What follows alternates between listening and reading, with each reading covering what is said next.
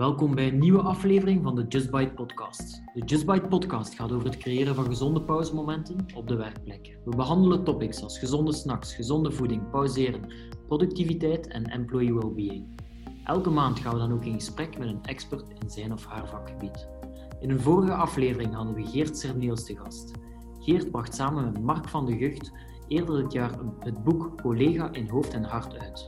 Het boek gaat over waarderend leidinggeven op de werkvloer en hoe je als leidinggevende het evenwicht tussen resultaat en welzijn kan vinden.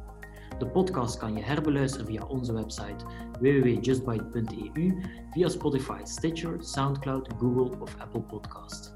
Ik ben Kevin en samen met Aitor zijn we host van deze podcast. Aitor, vertel eens, wie hebben we vandaag de gast? Ja, dank u Kevin. Um, vandaag hebben we Christophe Jacquet te gast. Uh, Christophe is een health marketing expert en uh, auteur van het boek Healthusiasm.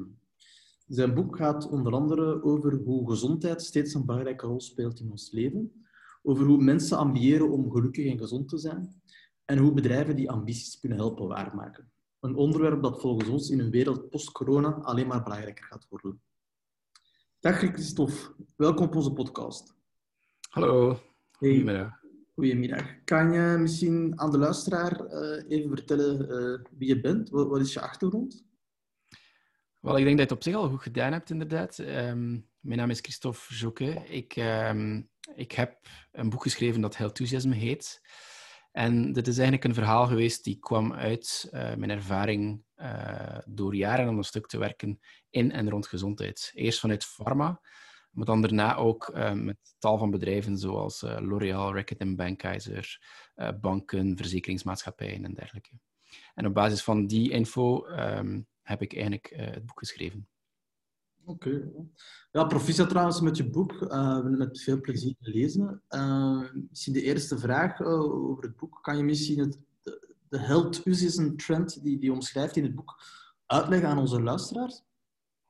Wel, ik denk dat je het net ook al heel mooi um, geïntroduceerd hebt. Maar eigenlijk komt het erop neer dat mensen vandaag meer dan ooit bewust zijn van hun gezondheid. Uh, en daar ook actief mee willen omgaan. Ze willen zelf een impact hebben op hun gezondheid. En dat heeft een enorme impact op bedrijven. Uh, en, want men mensen beginnen te kijken naar bedrijven en zoeken net hulp uh, bij bedrijven om die impact te bieden, eigenlijk. Daar komt het op meer. Oké. En mensen zijn meer dan ooit bewust met hun gezondheid bezig. Hoe, hoe, hoe komt dat eigenlijk? Hoe komt dat die mensen meer dan ooit bewust zijn? Ja, er is een um, evolutie uh, gebeurd. Natuurlijk, we mogen niet vergeten, en we denken soms dat dat iets nieuws is, maar uiteindelijk zijn we als mensen eigenlijk al altijd bezig geweest met onze gezondheid. We, zijn al, we hebben al altijd gehoopt of gewenst dat we een goede gezondheid hadden. Uh, reeds in de, in de oude Grieken-tijd. Um, daar waren mensen eigenlijk al offers aan het brengen. Hè. In, in de middeleeuwen bad men en tot, tot goden om, uh, om, om gezond te kunnen zijn. Dus die drang om gezond en gelukkig te zijn, die is er eigenlijk al altijd geweest. Maar in de, in de, in de meer recente jaren, wat merken we, is dat um, er natuurlijk veel meer mogelijkheid, uh, mogelijkheden zijn gekomen om zelf een impact te hebben op je, op je gezondheid. En dan denk ik zeker en vast aan het digitale. Uh, want uh, vandaag zijn we super verwend in, in wat we zelf allemaal kunnen doen. En dat gaat niet alleen over gezondheid, maar dat trekt zich door in gezondheid. En ik denk bijvoorbeeld als je, als je morgen zelf een boek wilt uitgeven of je wilt een cd opnemen, uh, dan kan je dat vandaag, want die tools zijn beschikbaar. Je kunt via internet kun je mensen bereiken. Dus je kunt eigenlijk worden wie je wilt worden. En op die manier trekt dat zich ook door in, in, in wat betreft onze gezondheid. We, we, willen gezond en gelukkig zijn, dus we proberen daar zelf ook een impact te hebben, omdat we op, vandaag op zoveel facetten van ons leven ook eigenlijk een, een impact kunnen hebben. En dat is een van de grote dingen die daar een rol in spelen, de tools die er zijn. Maar daarnaast, wat dat je ook merkt, en dat is een, een minstens even zo belangrijke uh, reden, dat is omdat um, onze, onze algemene basisnoden en onze algemene sociale noden, emotionele noden, die zijn in onze westerse maatschappij meer en meer ingevuld. En als je ergens nog herinnert vanuit de, de opleiding uh, psychologie of, of, of, een algemene biologieopleiding in het middelbaar misschien zelfs nog, dan was er zoiets als de Maslow-pyramide die de hiërarchie van de noden uh, uitlegt. En de top van die piramide, dat is waar mensen nu meest van al mee bezig zijn. Want onze basisnoden en onze emotionele, emotionele noden, de vier laagste regionen van die piramide, die zijn ingevuld. En dus gaan mensen meer en meer op zoek naar wat ze dan noemen de self-actualization of de, de zelfontplooiing. En binnen die zelfontplooiing zit er onder andere ook van, ja, ik wil, ik wil optimaal genieten van mijn leven. Ik wil het, de beste versie van mijzelf worden. En gezond en gelukkig zijn eh, draagt daartoe bij, of is misschien zelfs voor veel mensen gewoon het doel op zich al eigenlijk. Dus dat zijn in grote lijnen de twee grote dingen die mensen drijft om, uh, om, om vandaag meer dan ooit een impact te willen hebben op hun gezondheid eigenlijk. Ja, ja. inderdaad, interessant. Um, u, je sprak over ja, die digitale tools, dat dat een heel grote impact heeft. Kan, kan, je misschien even aan de luisteraar meer, meer toelichten over, over nou, wat bedoel je nou eigenlijk? Welke digitale tools hebben de, hebben de mensen vandaag om je gezondheid in, handen te nemen? Het gaat, het, het, gaat van heel simpele dingen naar, naar uh, enorm geavanceerde dingen natuurlijk. En ik denk, een van de eerste um, digitale tools, om het dan zo te noemen, het was niet echt 100% digitaal, maar het was wel technologisch, um, waren gewoon de workout-video's. In de jaren 80 uh, was dat een enorme hype. Eh, we noemden die, die jaren 80 de fitness craze era. Dus mensen uh, wilden allemaal gaan fitnessen. Ik denk aan de, aan de beenwarmers van toen, de, de, de Arnold Schwarzeneggers, de Jane Fonda's. Die ganse trend was toen ontstaan eigenlijk door de, de, de video-workouts die erop bestonden. En mensen deden dit omdat ze toen al beseften van oei, we zijn hier slecht bezig, we worden allemaal dikker, we drinken veel meer dan ooit. We, er was ongeveer 40% van de bevolking die rookte. En met, dat was eigenlijk de eerste, de eerste digitale tool die, die, die opkwam, die, die workout-video's. Maar dan had je geleidelijk aan Google natuurlijk, uh, als informatiebron. Mm Wat een heel belangrijke was. Uh, want als je spreekt over gezondheid, kunnen we nooit genoeg informatie hebben. Ik denk dat we altijd zoeken naar meer informatie, of op zijn minst naar antwoorden om, om dingen beter te kunnen gaan begrijpen. Kijk maar hoe dat we vandaag omgaan met COVID. We hebben nog zoveel vragen. Um, en, en Google heeft eigenlijk in, die, in de begin jaren 2000 voor het eerst een antwoord beginnen bieden op al die vragen eigenlijk. Was dat al perfect? Nee, maar we zijn, we zijn heel snel geëvolueerd. En dan kreeg je mobile applications, um, kreeg je wearables. Uh, ondertussen zitten we in een Hanse periode waarin dat uh, AI, artificial intelligence, een heel belangrijke rol zal beginnen spelen. Dus we zien eigenlijk die, die, die, die tools van heel simpele videocassettes evolueren naar um, zelflerende um, technologische eh, uitvindingen, die zelfs advies gaan geven of reminders gaan geven en eigenlijk zo op die manier mensen kunnen gaan um, beïnvloeden in hoe ze best moeten omgaan met hun gezondheid eigenlijk. Dus het bestaat al eventjes, uh, maar nu is het in een gigantische stroomversnelling aan het geraken. Ja, ja. Misschien een beetje dieper in te gaan op uh, het Google-verhaal. Uh, het is inderdaad, allee, we leven ook in een wereld vol fake news, voor valse informatie. Ja, soms is het moeilijk voor uh, consumenten en dan gaan we eventjes meer naar kijken naar, naar ons onderdeel van, van het hele gezondheidsspectrum, voeding. Er zijn heel veel claims die, die gemaakt worden. Het is soms wel... Allee, het heeft zijn voordelen. We hebben meer dan ooit toegang tot zoveel informatie. En langs de andere kant kunnen we het bos door de bomen niet meer zien. Wat, wat is nu nog betrouwbaar? Dus ja, het is ook wel een beetje, een beetje nadelig geworden, denk ik. Uh, het, het, is, het is absoluut moeilijk. Um, nu, ik denk altijd dat um, informatie is beter dan geen informatie. Um, maar het wil erom niet zeggen dat alle informatie die er bestaat, dat die goed is natuurlijk. en, en ik denk dat we daar nog een beetje aan onszelf aan het opvoeden zijn, enerzijds. Uh, om te leren herkennen van wat, wat vertrouwen we nu en, en wat vertrouwen we nu niet. Ik denk dat dat heel duidelijk was ook in het begin toen dat Google uitkwam. Uh, of in elk geval medische informatie beschikbaar stelde dan zag je een enorme rush van uh, zelfgediagnosticeerde patiënten die naar, de, naar artsen vluchten met, uh, met de grote stelling van ik heb die zware ziekte of ik, uh, ik ben stervende. Want ik heb gelezen dat als je hoofdpijn en rugpijn hebt, dan kan dit dit zijn. Um, nu, heel vaak zijn de meeste ziektes um, hebben dezelfde symptomen al, om te beginnen. Dus het is heel moeilijk om daar een, een onderscheid in te maken. Maar je zag dus in, in, in dat begin dat er een enorm probleem was Um, om, om de juiste informatie daar te krijgen, maar ook om die te laten verwerken door de mensen zelf. En we zijn er al heel pak in verbeterd, um, maar net door de populariteit komt er nog veel meer uh, op ons af. En het zorgt ervoor dat het inderdaad heel, heel moeilijk wordt om, om het bos door de bomen te zien, uh, inderdaad. Maar we komen er wel. En ik ben zeker dat mensen ook geleidelijk aan beginnen beseffen van Ehm, dit is nu wat, uh, wat wel correct lijkt en dit is wat uh, minder correct lijkt. En ik denk dat bedrijven zelf uh, daar een grote rol kunnen in spelen. Want een van mijn eerste adviezen dat ik altijd geef aan eender welk bedrijf is: jij kent het product dat je op de markt zet het allerbest. Beter dan eender wie. Dus jullie hebben eigenlijk een verantwoordelijkheid om alle gezondheidsaspecten van dat product duidelijk te communiceren naar jullie, naar jullie klanten. Want als jullie het niet doen, wordt het door iemand anders opgepikt en dan zal het sowieso um, heel vaag en onduidelijk worden. Ja. Maar tenslotte misschien nog één kleine opmerking, en dat is als we spreken over gezondheid, dan spreken we heel vaak ook over wetenschap. En het ding met wetenschap is nu eenmaal wel, is dat je altijd een these hebt en je hebt altijd een antithese. De ene mensen zullen A zeggen, andere mensen zullen B zeggen. Maar heel vaak binnen wetenschap is het moeilijk om te komen tot een synthese.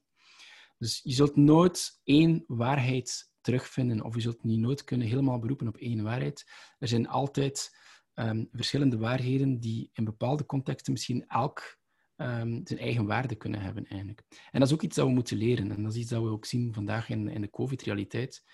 Er is niet één waarheid. En we moeten leren navigeren tussen alle verschillende waarheden die er bestaan, eigenlijk.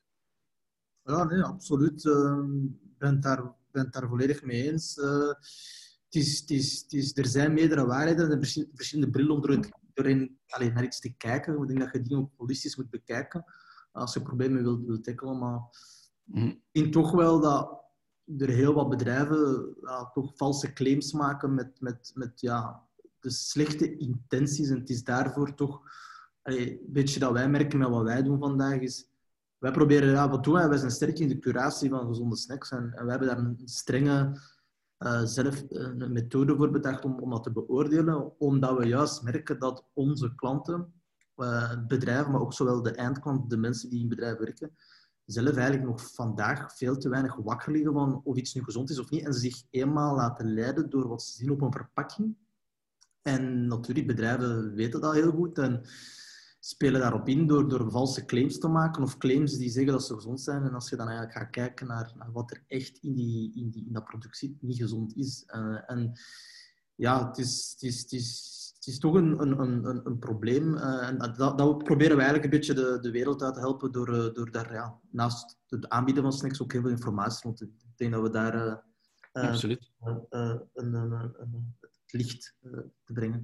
Nu, je sprak over uh, Dr. Google. Uh, dan sprak je over ja, um, AI, data en dergelijke zaken. Um, ik denk, dat is misschien ook interessant om, om, om, om over te praten. Allee, wij geloven heel hard in die shift naar het preventieve. Hè? Het hele systeem mm -hmm. vooral gericht op curatieve geneeskunde. Mensen die genezen als ze als ze eigenlijk al ziek zijn, is het te laat. Uh, dat zorgt mm -hmm. voor een maatschappelijke kost. Uh, dat zorgt voor een, uh, ja, een kost. als je kijkt naar de België alleen al, de, de tweede grootste uitgavenpost is gezondheidszorg. Um, dus dat zorgt ervoor dat heel veel van ons belastinggeld naar daar gaat. Wij geloven in die wereld die, die gezonder moet worden om, om, om voor jezelf, om, om niet ziek te worden op een latere leeftijd, om, om, om de maatschappij te helpen, eh, om die kosten te reduceren op heel het systeem. En natuurlijk ook een beetje voor de planeet, want uiteindelijk de planeet uh, is er ook gebaat bij dat uh, we meer en meer gaan nadenken over de manier waarop we eten. Um, die preventie, welke, welke, kun je enkele andere toffe voorbeelden misschien onze luisteraar meegeven hoe dat, hoe dat bedrijven slim gebruik maken van digitale technologie ter preventie en dus mensen gezonder te maken voordat ze ziek worden? Er zijn er ondertussen al heel veel, maar ik, ik denk dat... Um, ik, ik begrijp het woord preventie, maar ik denk dat het veel verder gaat dan puur preventie. Um, ik, ik denk dat waar je, waar je moet over nadenken is het volgende. Mensen zijn altijd bezig met hun gezondheid. Uh, en zoals ik ervoor al zei, um, meer dan ooit. Maar er zijn verschillende typen beslissingen die je kunt nemen daar rond, wat je gezondheid betreft. Eén zijn de, echt de medische beslissingen. Dat is wanneer dat je ziek bent en dat je in overleg met een arts een bepaalde beslissing kunt nemen in verband met je specifieke aandoening. Het tweede is dan inderdaad, zoals hij zelf ook zegt, uh, het preventieve. Dat, zijn, dat noem ik de gezondheidsbeslissingen. Dat zijn de, de beslissingen waarvan dat je zegt van, kijk, als ik die neem, dan zorg ik ervoor dat mijn gezondheid niet slechter um, zal worden. ik denk dat rookstop bijvoorbeeld is daar, is daar één van. Dat zijn vaak um, zaken die gebaseerd zijn op gezondheid of op, op wetenschap, zo moet ik het stellen. Uh, maar die niet noodzakelijk uh, altijd het argument zijn. Um, mensen geloven er ook letterlijk in dat als je stopt met roken, dat dat, dat, goed is voor je gezondheid. Je hoeft niet altijd je baseren op, um, op, de, op, de, wetenschappelijke studies daarvoor, zoals je doet met het medische. Een derde type beslissing dat mensen nemen wat betreft hun gezondheid is dan eerder het well-being verhaal. Um, hoe voel ik mij? Hoe kan ik ervoor zorgen dat ik mij gezond en gelukkig voel? Dat is nog minder gebaseerd op wetenschap en nog meer op puur gevoel. En dan gaat het echt meer over bijvoorbeeld naar een sauna gaan um, of overtuigd zijn dat uh, glutenvrij eten, um, voor sommige mensen is dat dan zo, um, dat glutenvrij eten zich, uh, mensen zich beter gaan, gaan beginnen voelen. En een vierde type beslissing is dan puur, heeft puur te maken met uw levensstijl. Dat zijn uw interesses en, en uw gewoontes. En daar ook wil je soms uh, het gevoel geven of het gevoel krijgen dat je, dat je gezond en gelukkig bezig bent. Dat zijn de vier typen beslissingen. Dus om te spreken van, het gaat louter om preventie. Um, ik, vind preventie ook vaak net iets te veel uh, gefocust op voorkomen. Terwijl wat dat we zien, en dat is ook de reden waarom dat ik uh, heel, enthousiasme, heel genoemd heb en, en een positief woord heb gebruikt, is het gaat bijna meer op ik wil mij vandaag, in, de situatie dat ik vandaag ben, wil ik mij gaan optimaliseren. Dus ik wil ervoor zorgen dat ik het maximaal haal uit wie dat ik ben. Um, en rookstop, en, en, hebben we altijd genoemd als zijnde, het is een preventie. Ik zorg ervoor dat ik niet zieker word. Maar ik probeer het positief te beschrijven, omdat je zegt van als ik stop met roken, ga ik weer meer ademruimte krijgen, letterlijk. En ga ik misschien mij weer beter voelen. Dus ik kijk het altijd vanuit een, een, uit een positief um, verhaal. En dan zie je inderdaad dat dat ook interessanter is voor bedrijven om daarop in te spelen. Omdat um, je een positief verhaal brengt naar mensen. Marketing draait om hoe kunnen we de mensen beter maken. Er is geen enkel product of service op de markt, eh, of dat je kunt op een markt lanceren, als het niet uh, het gevoel heeft aan mensen dat het beter is dan wat er al bestaat. Dus marketing draait allemaal over wat kunnen we brengen naar de mensen, zodat zij het gevoel hebben dat het beter is en beter wordt voor hen, de maatschappij, ehm, de, de, de wereld op zijn geheel. Dus eigenlijk, eh, dat positieve verhaal is ideaal voor marketing. En wat je dan ziet, en het, en het klassieke verhaal, of het klassieke voorbeeld dat ik dan geef, is Mercedes. Dat staat ook in mijn boek vrij eh, uitgebreid beschreven. Maar Mercedes bijvoorbeeld, die, die zijn niet louter um, meer bezig met u een goede ervaring in de auto te bieden, een goede beleving. Nee, die willen echt hebben dat als mensen drie uur in de auto zitten, dat die niet moe uit de auto stappen omdat die net drie uur gereden hebben, maar dat die net frisser uit de auto stappen. En sinds tien jaar zijn die daar heel hard op aan het focussen. Ze waren daar een van de eerste uh, mee. En um, ze hebben een, een aantal uh, conceptcars al uitgedacht en er zijn er een aantal zelfs al te koop. En de Fit and Health Car bijvoorbeeld, die op basis van het meten van parameters uh, via sensoren in het stuur, maar ook door te integreren met uh, smartwatches en wearables, met uw agenda, met het verkeer, met het weer, met de duurtijd dat je in de auto zit, met de manier dat je op je stoel zit, gaan die eigenlijk gewoon de hele auto telkens gaan aanpassen. Dus je gaat een andere temperatuur krijgen, een andere uh, muziek die speelt, een andere verlichting. De, de, stoel, de zetel waarop je zit, die gaat zich aanpassen.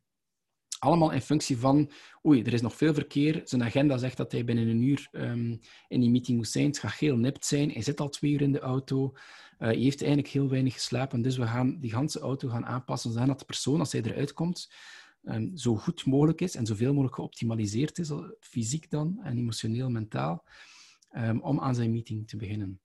En dat is een beetje het verhaal dat we, dat we vandaag um, meer en meer zien bij bedrijven, is dat positieve van hoe kunnen we het, de mensen omtoveren tot de beste versie van zichzelf. En vandaar ook enthousiasme. Enthousiasme is net het enthousiasme om mensen gezonder te maken, eigenlijk. En in navolging van Mercedes is zowat bijna elke um, autofabrikant vandaag bezig met gezondheidsgedreven um, features, om het nu eventjes zo te noemen, in een auto eigenlijk. En dat is eigenlijk het, het, beste voorbeeld van hoe dat ik zie. Het gaat niet louter om preventie, maar het gaat werkelijk om hoe kunnen we de beste versie uh, van onszelf worden door het gebruik van bepaalde producten, services of experiences. De beste gezondere versie dan wel te verstaan. Want, ja. Ja, inderdaad. En denk je dat, allee, ik vind het wel een interessant voorbeeld om, om, om een autofabrikant uh, te benoemen. Uh, uh, wat je vandaag ziet tegenover tien jaar geleden is dat, er wordt heel veel gesproken over digitale transformatie en hoe dat bedrijven ja, echt digitaal in hun DNA moeten beginnen embedden en echt een digitaal mhm. bedrijf worden. Um, zie je die, die tendens ook, ook gebeuren bij, bij alle industrieën rond health Moeten alle bedrijven bezig zijn met, met of alle type industrieën, bedrijven in verschillende industrieën, bezig zijn met het, het maken van, van, van hun klant? Um, dat hangt af. Ik zou bijna zeggen ja, maar dat is niet helemaal juist. In de zin dat um, wat, dat, wat, wel waar is, is dat elk bedrijf moet zoeken naar hoe kunnen we inspelen op die self-actualization needs, op die drang om, naar zelfontplooiing. Um, en dan moet je kijken naar je eigen DNA van uw bedrijf om te zien hoe dat, wat er dan specifiek past bij uw kunnen en uw zijn en bij uw product en uw services en wat je kan aanbieden en uw type klanten. Of dat dan effectief gezondheid is. Maar in principe, wat ik altijd zeg, er zijn drie grote um, wat ik dan noem transformationele um, noden uh, bij, bij klanten. En dat zijn de drie grote evidente. Dat is um, ecologie, duurzaamheid en de planeet. Dat is, dat is één. Het tweede is alles dat te maken heeft met de samenleving, de maatschappij. Uh, kijk naar Black Lives Matters bijvoorbeeld. En het derde is gezondheid. Wat dan eigenlijk echt werkelijk gaat over de persoon zelf. Dus sowieso, als je als bedrijf vandaag een verschil wil maken voor je klant, als je wil waarde brengen naar je klant, um, dan is het superbelangrijk dat je kijkt op welke van die drie elementen dat je zou kunnen spelen. Ik ga je een voorbeeld geven dat niet te maken heeft met gezondheid. Maar als je, als je een tiental jaar geleden koos voor een, uh, een elektriciteitsleverancier, dan ging je voornamelijk kijken naar prijzen. Als je een, aantal jaar geleden keek naar een elektriciteitsleverancier, dan ging je voornamelijk ook geïnformeerd uh, proberen zijn over hoe is een customer service. Kan je bellen naar hen? Uh, is een website goed? Kan ik gemakkelijk inschrijven, uitschrijven? Ehm, eh, als er een probleem is, komen die snel langs en zo. Nu, vandaag, meer en meer wat je ziet, is dat bij de keuze van een elektriciteitsleverancier, dat bijvoorbeeld zal gekeken worden naar, heeft die leverancier ook groene energie of is het enkel kernenergie? En dan zit je net in dat transformationele. En misschien is voor een elektriciteitsleverancier niet zo evident om in te spelen op gezondheid, alhoewel dat ik overtuigd ben dat dat wel kan. Maar de meest natuurlijke um, uh, logische uh, extensie dat ze kunnen geven rond het transformationele is natuurlijk de planeet, omdat zij net bezig zijn met um, ja, fossil oil, uh, fossil fuels en, enzovoort. Dus, en met kernenergie. Dus als zij een meerwaarde willen betekenen voor hun klanten, dan, dan doen ze dat eerst en vooral um, daar over. En mensen zoeken dit net, want ze voelen zich een beter mens als ze kiezen voor een elektriciteitsleverancier die met groene energie werkt. En dan voelen ze zich zelf ontplooid, dan voelen ze zich een beter mens. En hetzelfde geldt voor gezondheid. En het is daar dat, um, dat men naartoe zoekt. Hè. Men zoekt naar die bedrijven die, die hen helpt om een betere versie van zichzelf te worden. En misschien is gezondheid niet altijd voor elk bedrijf belangrijk, maar je kan zeker vast wel iets betekenen. Ja, en ik denk dat je gezondheid breder moet interpreteren. Want uiteindelijk, in, in, het, in het voorbeeld dat je aanhaalt, is uiteindelijk een bedrijf dat goed doet voor de gezondheid van ons planeet is bezig met de gezondheid van het collectief en dus eigenlijk ook bezig met het, de gezondheid van het individu. Dat is ook een beetje uh, hoe, hoe, dat wij, hoe, dat wij, kijken naar ons bedrijf. We hebben de bekende Why, What, How oefening uh, goed, uh, goed doordacht uitgevoerd toen, toen, we, toen we samen begonnen. En uiteindelijk we willen bijdragen aan een, aan een gezonde, gezonde samenleving. En ja, gezonde snacks is, is één ding. Dat is een product waardoor je ja, gezonder wordt als individu, omdat je bewust een keuze maakt om, om, om, om, om ja, ingrediënten tot u in te nemen die goed zijn, goed zijn voor je eigen gezondheid. Dus inderdaad het preventieve. Maar dus ook, zoals ik al net zei, voor de maatschappij. Uh, als zijn geheel zijnde voor, ja, als we het systeem minder onder druk zetten, dan komt er geld vrij om misschien geld uit te geven aan andere maatschappelijke uitdagingen waar we mee geconfronteerd worden, zoals de planeet. En tot slot, als je dan over ons product even uh, verder dieper uh, filosofeert, is ja, uh, uiteindelijk onze voedingskeuzes hebben een hele grote impact op het planeet. Als je kijkt, 25% van de, van de CO2-emissie-uitstoot komt uit de productie van voedsel. Als je dan dieper analyseert, 15% komt uit dierlijk voedsel. Um, dat is een gigantisch grote hoeveelheid. En dat komt omdat de ja, koeien onder andere methaan produceren, wat veel straffer is dan, dan, de, dan uh, de gewone CO2-emissie. Ze nemen heel veel land in beslag. Um, het zijn heel veel zaken waardoor je, als je bewust gaat nadenken over je voedingskeuze, ook eigenlijk een grote impact kunt hebben indirect als individu door de planeet ja, helpen met, met het klimaatbestrijden van. Uh, dus um, Absoluut. ik denk dat we, als ik u dan zo goed hoor, wel inzetten op, op, op de drie aspecten die je zet, zowel societal, maatschappelijk, planeet, het grotere geheel als, als gezondheid, als individu. Ja, en, ik, en, wat hij zegt is volledig correct. Hè. Ik denk dat gezondheid perfect overlapt met uh, zorg dragen voor de planeet zowel als zorg dragen voor de maatschappij. Um, ik denk dat dat de, de, naar transformatie en aspiratie toe, dat dat degene is die eigenlijk op alle drie de vlakken uh, aanwezig is. Ja, zeker vast. Ja, top. Um, ja, aspiraties. Um, interessant als je dan kijkt. Uh, ja, iedereen wil ja, aspiraties waarmaken, die self-actualization, zoals je het benoemt in het boek. Uh, ze willen gezonder, gelukkiger zijn. Ziet je daar verschillen van generatie tot generatie? Kun je daar misschien een beetje dieper op inzoomen? Ik denk dat sowieso um, elke generatie zit in een andere fase van zijn leven. Dus um, elke generatie zal andere type aspiraties hebben. Um, ik denk als je ouder uh, bent, dan uh, neem nu een grootouders bijvoorbeeld, die gaan nog willen kunnen genieten van hun kleinkinderen bijvoorbeeld. Dat is een van de grote aspiraties. Waar dat misschien een, om nu heel clichématig te praten, een vrouw van 35 jaar die net twee kindjes gehad heeft, aan de top van haar carrière zit, of in elk geval die, die promotie gekregen heeft als ze al eventjes wilde hebben, nog altijd in contact staat met haar vriendinnen van, dan, van aan de universiteit, maar ook met, met, met de ouders van de kindjes uit de klas, nog altijd een goede partner wilt zijn, nog altijd wilt wekelijks één of twee keer gaan lopen, wel, zij zal bijvoorbeeld de aspiratie hebben om veel energie te kunnen hebben, om, om haar energie te kunnen optimaliseren doorheen de dag. Omdat ze wilt een goede um, werknemer zijn, ze wilt een goede mama zijn, ze wil een goede vriendin zijn, ze wil een goede partner zijn, ze wil een goede um, dochter zijn. En daarvoor heeft ze enorm veel energie nodig. Dat is dan haar uh, grootste aspiratie in het leven. En wat je ziet is dat er zo um, afhankelijk van de situatie uh, waarin dat je uh, je bevindt, dat er een, een 24, 25 tal verschillende aspiraties zijn die zouden kunnen beginnen overheersen. En die kunnen helpen, die type aspiraties helpen bedrijven om keuzes te maken waarop ze dan, ze dan moeten gaan focussen. Je vroeg net, um, moet elke bedrijf daarop spelen? Wel, als je kijkt naar die 25 aspiraties, dan uh, kan je zien in welke mate dat je daar kunt gaan op spelen, al dan niet eigenlijk. En inderdaad, um, er zijn dan ook nog eens generationele verschillen waarbij dat uh, jongeren, uh, millennials en, en, Generation Z, dat die um, veel meer natuurlijk uh, bezig zijn met hun gezondheid. omdat die zo opgevoed zijn. Die zijn opgevoed in de obesitascrisis of in het begin van de obesitascrisis. Die zijn veel bewuster met hun gezondheid bezig dan bijvoorbeeld um, mijn generatie, de Generation Y. Ik, moet actief zeggen van ik ga sporten, ik ga bewust eten. Voor jongeren dan mij is dat, is dat iets meer natuurlijk, maakt dat deel uit van een levensstijl. En als ik dan kijk naar mijn ouders, um, die moeten dan nog veel meer doen dan mij. Echt die bewuste stappen zeggen van we gaan nu een keer niet Bourgondisch of typische Franse keuken eten, maar we gaan toch iets lichter eten.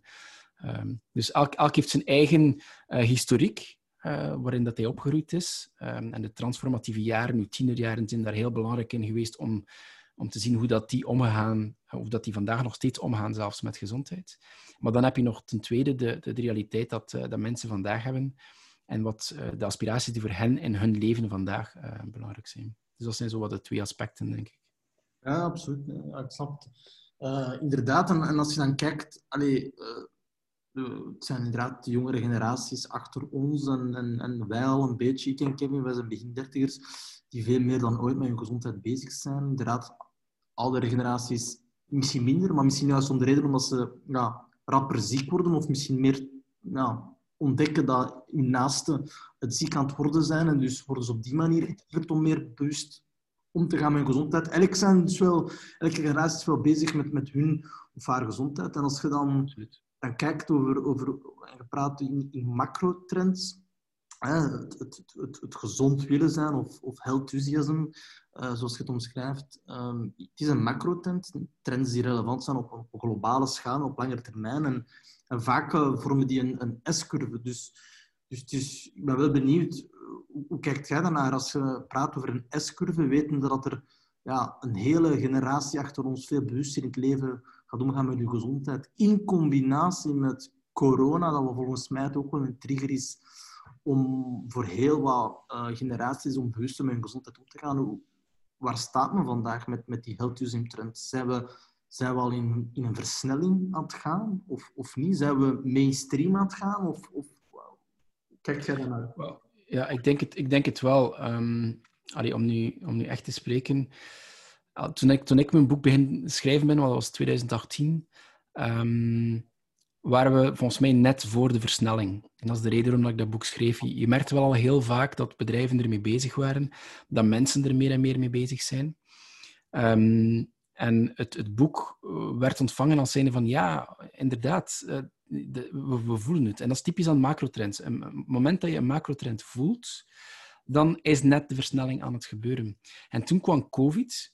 En dan zie je dat um, uh, als je kijkt naar, naar uh, consultancybedrijven, als je kijkt naar marketing uh, consultancybedrijven, als je kijkt naar andere sprekers, um, dan zie je dat iedereen momenteel op de, op de gezondheidstrein aan het springen is.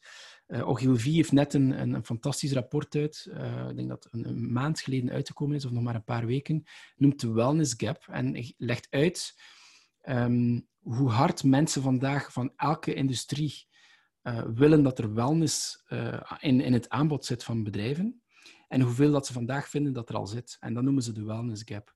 Um, omdat mensen willen het zodanig hard en het is nog zodanig weinig aanwezig dat er een enorme uh, gap is. Maar Fast Company, Accenture, McKinsey, The Drum, um, allerhande um, consultancybedrijven zitten, zitten, vandaag heel hard in op, op gezondheid. Ook wat Steven van Bellegem zegt in zijn nieuw boek, become a life partner um, of, of, of, your, of your client, of your customer, is letterlijk ook wat in mijn boek staat, waarin dat er uh, verteld wordt dat je niet louter bezig moet zijn met de touchpoints en niet louter moet bezig moet zijn met de experience, maar dat je net het niveau hoger wilt gaan, wat ik dan noem inderdaad de customer transformation. Hoe kan je net uw, uw klanten gaan transformeren, uh, op het vlak van gezondheid bijvoorbeeld, door uh, door hen die belevingen te bieden en die services te bieden die hen beter zal doen voelen. Ik kom terug op het voorbeeld van Mercedes dat ik daarnet aanhaal. Dat is een perfect voorbeeld um, van customer uh, transformations. En dus ja, we zitten nu in een gigantische versnelling. Um, dat, uh, dat, dat, dat, dat niet meer te stoppen is. En het is nog veel sneller gegaan dan dat ik had durven denken of hopen. En dat zie je momenteel echt overal rondom ons. ook bij de mensen zelf die veel meer dan ooit gaan wandelen, um, veel meer gezonder eten. En 40% van de, van de mensen zeggen dat ze veel gezonder eten sinds de, sinds de eerste lockdown. Um, dat is extreem veel. En dat is een bewustwording net door COVID. En waarin dat men zegt van, ja, eigenlijk willen we al een tijdje eens wat meer bezig zijn met onze gezondheid. Wel, dit is het uitgelezen moment om dat dan niet te doen eigenlijk. Ja, ja. Nee, absoluut. Interessant. Ja, inderdaad. Ja, mensen hebben ook gewoon uh, veel meer tijd. Dus inderdaad, uh, gezondheid is belangrijk. Mensen uh, zijn zich daarvan bewust. En die tijd benutten ze inderdaad meer en meer door in te zetten op, op beweging en voeding. Dat is een mooie trend die we zien, inderdaad. Absoluut. in jouw boek schrijf je ook over patiënten en bewuste consumenten of klanten. Kan je misschien mm -hmm. kort eventjes uitleggen of er een onderscheid is tussen die twee? Ik probeer dat niet meer te, ehm, te doen eigenlijk. Uh, omdat ik vind, um, een patiënt voor mij, en dat is een, een, hetzelfde als een consument. Het is dezelfde persoon, op zijn minst. En die, en die persoon kan zich de ene keer in een situatie bevinden waarin dat hij consument is, en de andere keer in een situatie bevinden waarin dat hij dan een patiënt is. Of misschien een student, of misschien een, een, bestuurder, of misschien een bezoeker. Maar diezelfde persoon zit eigenlijk um, in verschillende situaties. En het belangrijke daarin is, vind ik, in, in die stelling, is dat we altijd gekeken hebben naar patiënten en consumenten als zijnde loodrecht tegenover elkaar staand. een, een consument die neemt levensstijlbeslissingen en een patiënt die neemt medische beslissingen. En inderdaad, de type beslissingen die je kunt nemen in elk van die situaties zijn compleet compleet anders. Je hebt een hele andere situatie waarin je, bevindt. Je, kunt niet, je hebt geen service naar verkopen als patiënt. Uh, je hebt geen keuzevrijheid. Je weet vaak niet hoeveel dat gaat kosten op voorhand. Waar je dat allemaal wel hebt als consument. Nu, wat dat we zien, is dat um, wat betreft onze gezondheid, is dat we eigenlijk altijd bezig gaan zijn met onze, onze gezondheid. En ook dus als consument en evenveel als, als, als patiënt. En dat heeft zich vertaald inderdaad in die, in die vier typen vragen uh, of beslissingen dat we willen nemen. De levensstijlbeslissingen, de medische beslissingen inderdaad ook, maar daartussen de well-being beslissingen en de gezondheidsbeslissingen die dan eerder meer um, preventief um, zullen gaan zijn. En het belangrijke van dit is, en ik denk dat dat voornamelijk ook voor de gezondheidszorg een, een heel belangrijke inzicht is, omdat ze nog niet altijd helemaal begrepen hebben, denk ik, is dat doordat we dezelfde persoon zijn als patiënt en als consument, hebben we eigenlijk exact dezelfde verwachtingen. We hebben compleet andere noden. Als patiënt heb je een andere nood dan als consument, maar de verwachtingen, de manier dat die noden worden ingevuld, um, is eigenlijk juist hetzelfde. Men, men verlangt dezelfde snelheid, persoonlijkheid, gebruiksgemak als dat men heeft als consument of als, als, als patiënt. Dus ik vind het moeilijk. Als je kijkt op vlak van noden, is het goed om een verschil te maken. Bekijk dan naar de situatie. Maar in principe zeg ik altijd van, hou er rekening mee, dat is dezelfde persoon die dezelfde verwachtingen zal hebben. Dus als je hen iets aanbiedt, zorg dan dat je daar uh, absoluut rekening uh, mee gaat houden eigenlijk. Ja.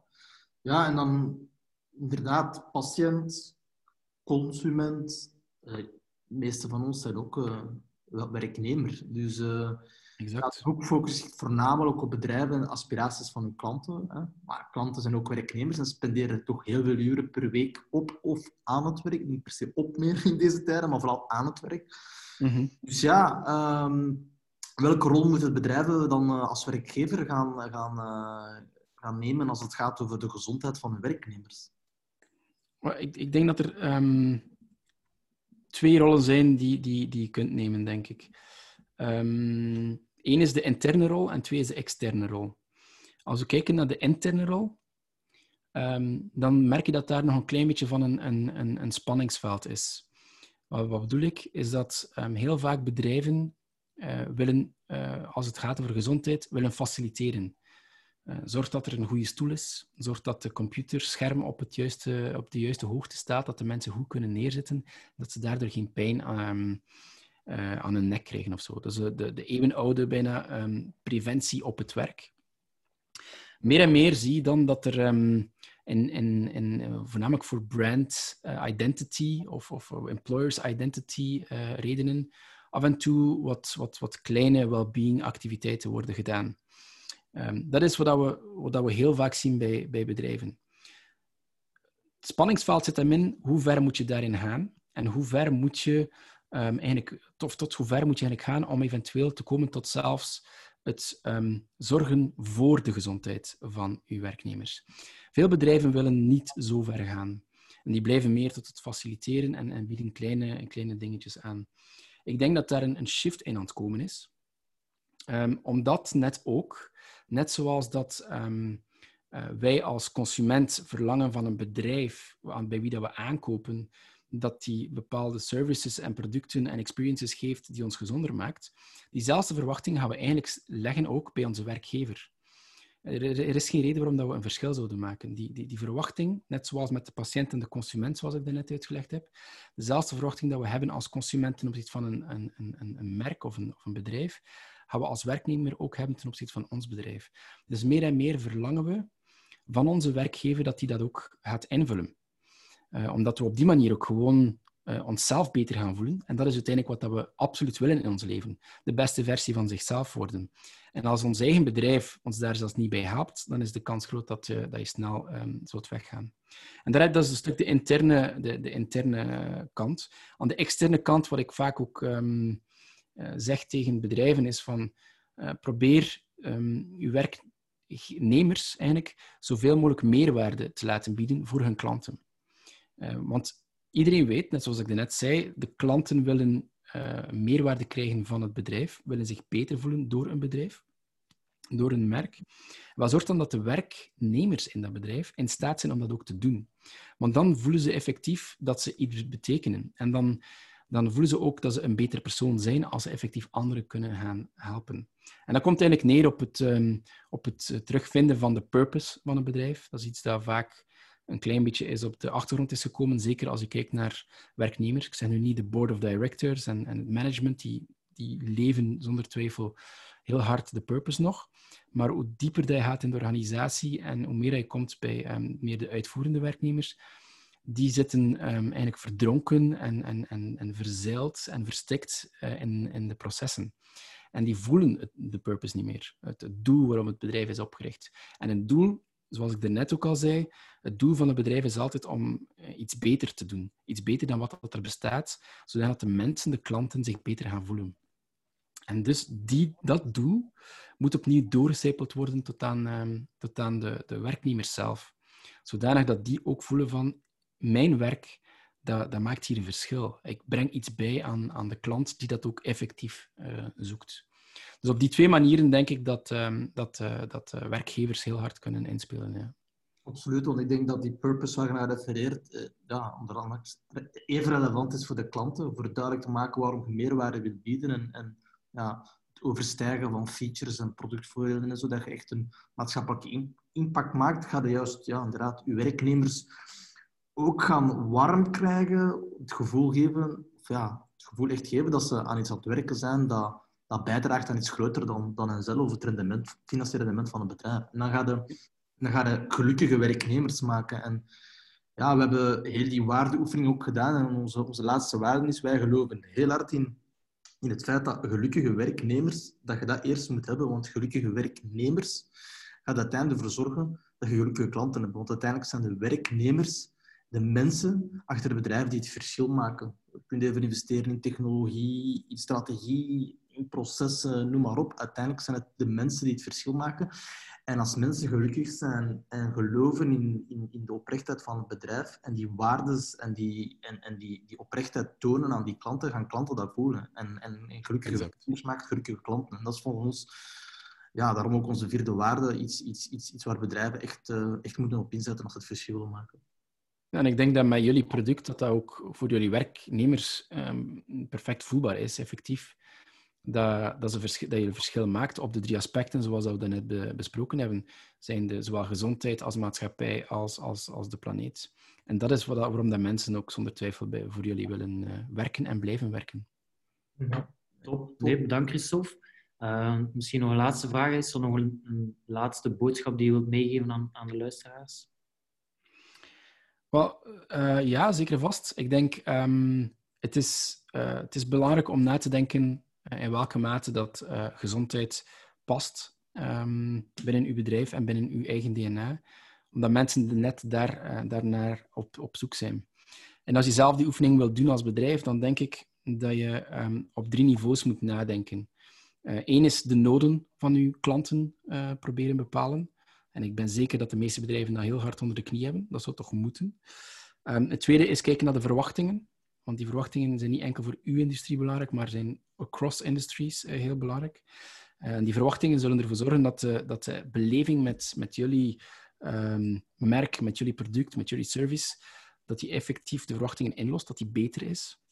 En tenslotte, en dan, en dan ga je net gaan kijken naar het gezondheidsaspect, is wat zijn de levensaspiraties van mensen? Wat willen ze bereiken in hun leven? Wat is er belangrijk in hun leven?